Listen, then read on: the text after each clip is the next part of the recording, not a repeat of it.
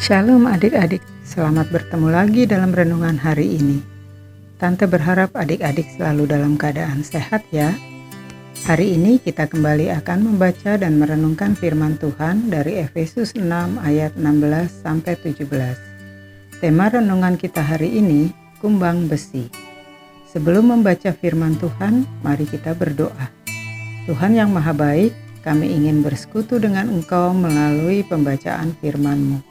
Kiranya roh kudus berkarya dalam hati kami agar kami diberi hikmat untuk mengerti akan firman-Mu dan kebenarannya. Di dalam nama Tuhan Yesus, amin. Adik-adik sudah buka Alkitabnya, mari kita baca firman Tuhan dari Efesus 6 ayat 16 sampai 17. Mari kita baca bersama-sama ya. Dalam segala keadaan, pergunakanlah perisai iman Sebab dengan perisai itu kamu akan dapat memadamkan semua panah api dari si jahat. Dan terimalah ketopong keselamatan dan pedang roh, yaitu firman Allah. Demikian pembacaan firman kita hari ini.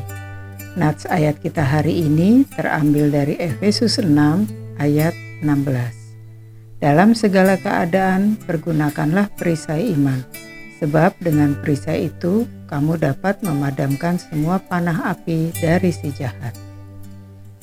Adik-adik pernah melihat hewan yang bernama kumbang?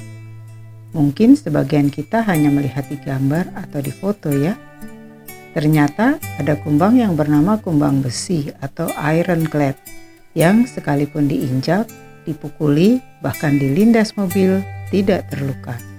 Kumbang besi hanya ada di Amerika Serikat dan Meksiko. Kumbang ini tidak dapat terbang. Sayapnya menyatu, kemudian membentuk perisai. Ia bisa menahan beban 39.000 kali lipat berat tubuhnya. Setara seorang laki-laki dengan berat 90 kg mampu menahan beban 3,6 juta kilogram. Sungguh luar biasa kekuatan perisai kulit yang ia miliki. Adik-adik, Tuhan Yesus juga berharap kita mempunyai perisai iman sekuat kumbang besi. Bahkan kuat agar kita mampu melawan perbuatan-perbuatan jahat iblis. Kumbang besi secara alami memang dilahirkan dengan tubuh sekuat itu, berbeda dengan kita. Kita harus terus-menerus mengasah iman kita agar menjadi semakin kuat. Adik-adik, pasti juga dapat mengasah iman dengan cara berdoa, membaca firman Tuhan. Adik-adik, fungsi perisai iman adalah mampu melawan perbuatan-perbuatan jahat iblis. Mari kita mau katakan, aku ingin punya perisai iman yang sekuat kumbang besi. Sekali lagi ya, aku ingin punya perisai iman yang kuat sekuat kumbang besi.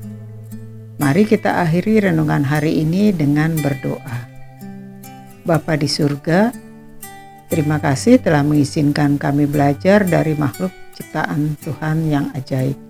Ajar kami Tuhan agar kami juga bisa memiliki perisai iman sekuat kumbang besi.